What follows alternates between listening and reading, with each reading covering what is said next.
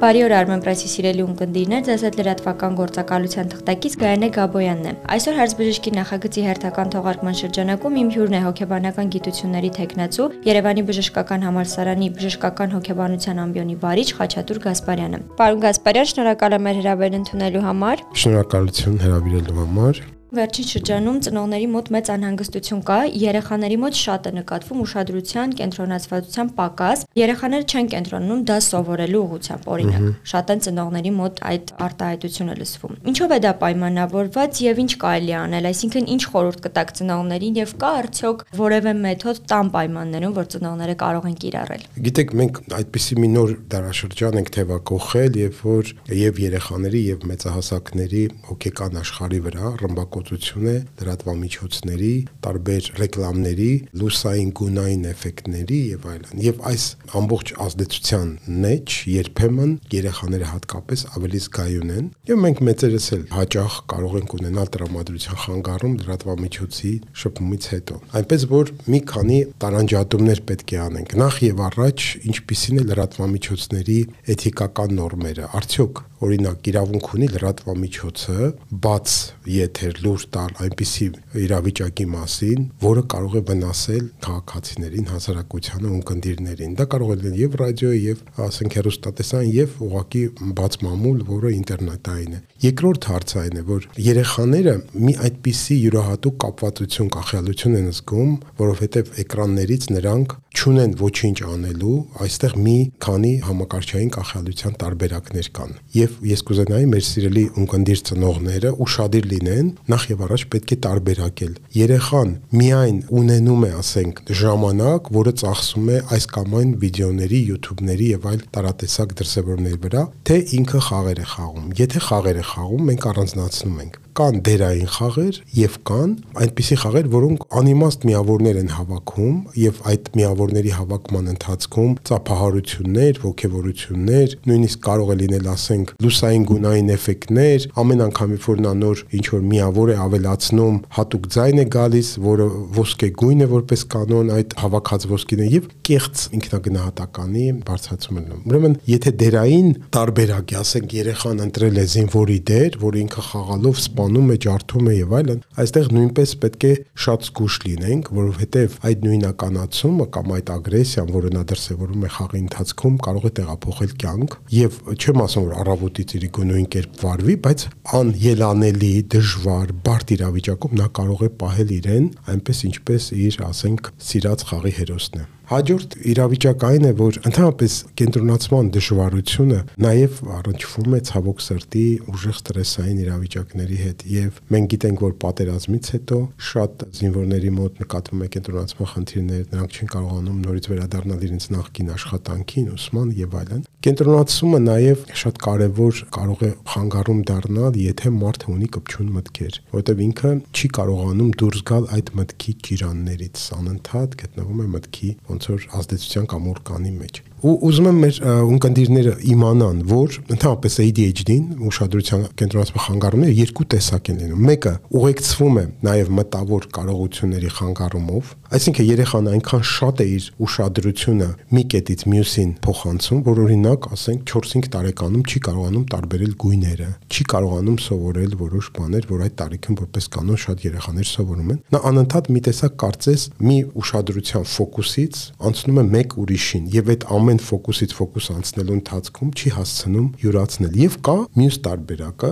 որ շատ արագ նրանք անցում են կատարում, բայց միևնույն ժամանակ յուրացնում են, շատ արագ են նրանք սովորում, նրանց մոտ մտավոր կարողությունները բարձր են եւ այս երկու տարբերակի դեպքում էլ խորհուրդ է տրվում սկսել հոգեբանից եւ ընդհանրապես ավելի լավ է որպիսի սկսել վախ հայտնաբերումից, մենք գիտենք որ ամբողջ առողջապահություն, ամբողջ բժշկագիտությունը փաստել է որ որքան շուտ ենք մենք հայտնաբերում խնդիրը, այնքան ավելի հավանական է որ կարող ենք ազատվել դրանից։ Որքան ուշանում է խնդիրը, ասենք եթե 10-12 տարեկանում են միայն անդրադառնում, որ այնուամենայնիվ երեխան չի կարողանում տարբերել մենակ մաթեմատիկական, չգիտեմ, հավասարության այս կամ այն բարդ մասերը, միայն կարողանում է པարզ գործողություններ կատարել, դա արդեն մենք կարող ենք համարել ուշացած, որովհետև այն ինչ որ զարգացման ընթացքում մենք բաց ենք թողնում, դա հետագայում շատ մեծ դժվարություն է լինում նորից լրացնելու կամ ամրապնդելու։ Հիմնականում այդ խնդիրը ծնողները զգում են դասերի ընթացքում, այսինքն եթե զգում են, որ դասերի ընթացքում կա ցրվածություն, կա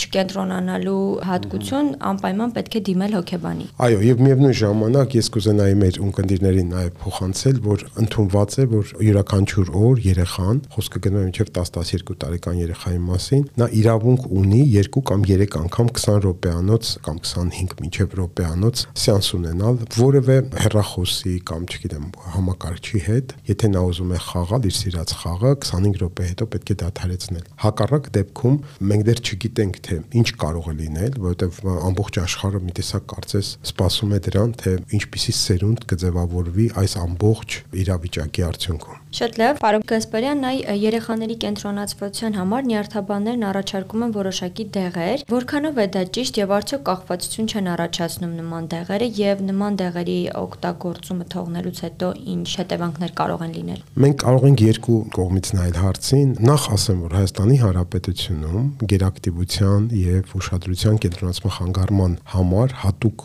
դեղորայքները գրանցված չեն։ Այսինքն, եթե մենք մասնագետի հետ ցանկանանք, ես որպես հոգեբան, ինքը որպես հոգեբան, ցանկանանք որևէ երեխայի պատանու ուշադրության խանգարման պատճառով դեղորայք նշանակել, պաշտոնապես Հայաստանում դա գրանցված չէ։ Որպես կանոն մենք բացատրում ենք հարազատները ինչ որ տեղից դրսից կազմակերպում են, բերում են եւ ուզում եմ ասել, որ դա նույնն է, որ մարդու, ասենք, սիրտը ցավ է եւ մենք մտածենք, եթե այս սրտի խնդիրով մենք դեղորայք օգտագործենք, դա կարող է ունենալ երկրորդային հետևանքներ կամ որոշակի անցանկալի երևույթներ, ուրեմն բերեք չբուժենք սիրտը։ Եթե մենք կենտրոնացման խնդիրը չենք լուծում, ամբողջ հոգեկան աշխարհը դրանից կարող է տուժել, մտածողությունը կարող է տուժել։ Նա չի կարող հասարակության մեջ այն իր բոլոր հնարավոր գործառույթները, որի եւ սպասելիքները կա ընտանիքի կողմից հասարակության կողմից եւ սեփական նպատակներին հասնելու համար նա չի կարող իրականացնել։ Դրանք շատ ավելի լուրջ խնդիրներ են։ Ցանկացած դեղորայք այնուամենայնիվ ես հասկանում եմ ձեր հարցի թաքնված մասը,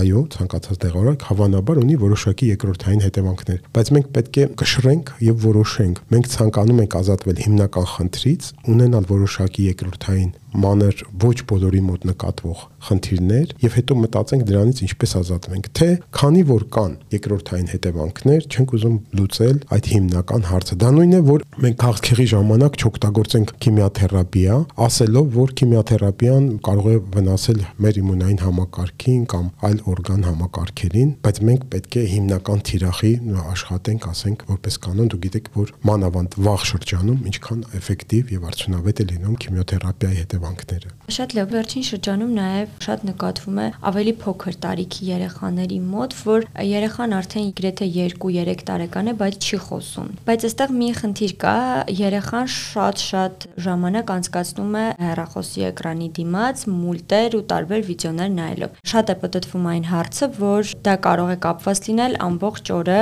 մուլտեր ու վիդեոներ նայելու հետ։ Հոգեբանի տեսակետից ինչպես կմեկնաբանեք, հնարավոր է, որ դա ազդի երեխայի խոսելու ստեղծելու կարողության չզարգանալու վրա։ Գիտեք, կարող է լինել երեխայի խոսքի զարգացման հապաղում, կարող է լինել ամնաբարդ տարբերակում աուտիզմ, բայց եթե երեխան ունի հաղորդակցման ժամանակ, նա միայն հաղորդակցվում է ինչ որ մի, ասենք, հեռախոսի կամ iPad-ի կամ չգիտեմ համակարգչի հետ, բնական է, որ նա չի ունենում հաղորդակցման հմտություններ։ Իսկ ուզենայի մեր սիրելի ունկնդիրներին հատկապես դրա վրա ուշադրություն դարձնել, որ երեխաները պետք է շփվեն իրենց հասակակիցների հետ, ընտանիքի անդամների հետ։ Երեխաները պետք է ունենան ժամանակ ակտիվ խաղերի, ժամանցի, սպորտի, արվեստի տարատեսակ միջոցներ, եթե նկատեք կտեսնեք նրանք ինչ հաճույքով են նկարում, երգում, երաժշտական բազմաթիվ տարբեր արվեստի արտահայտչամիջոցներով դա կարող ենք օգտակար լինել երեխաներին, բայց բոլոր դեպքերում, որպեսզի խուսափենք թյուրիմացություն չառաջացնենք մեր ունկնդիրների մոտ, լավ կլինի, որ մասնագետը գնահատական տա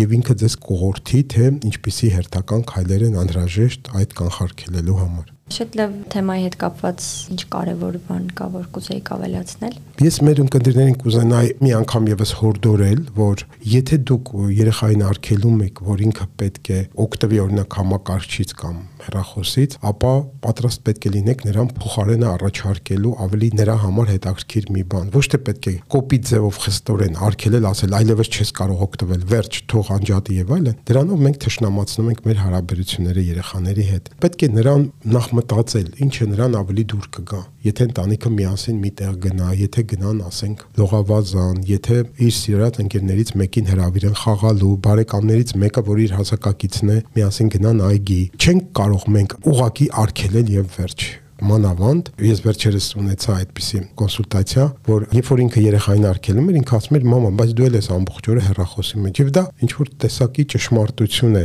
Եթե մենք ուզում ենք երեխաները քիչ կործացեն, պետք է ինքները սկսենք մեզնից։ Ամենալավ դաստիարակության միջոցը սեփական օրինակը երեխային հрамցնելն է։ Շնորհակալ եմ զրույցի համար։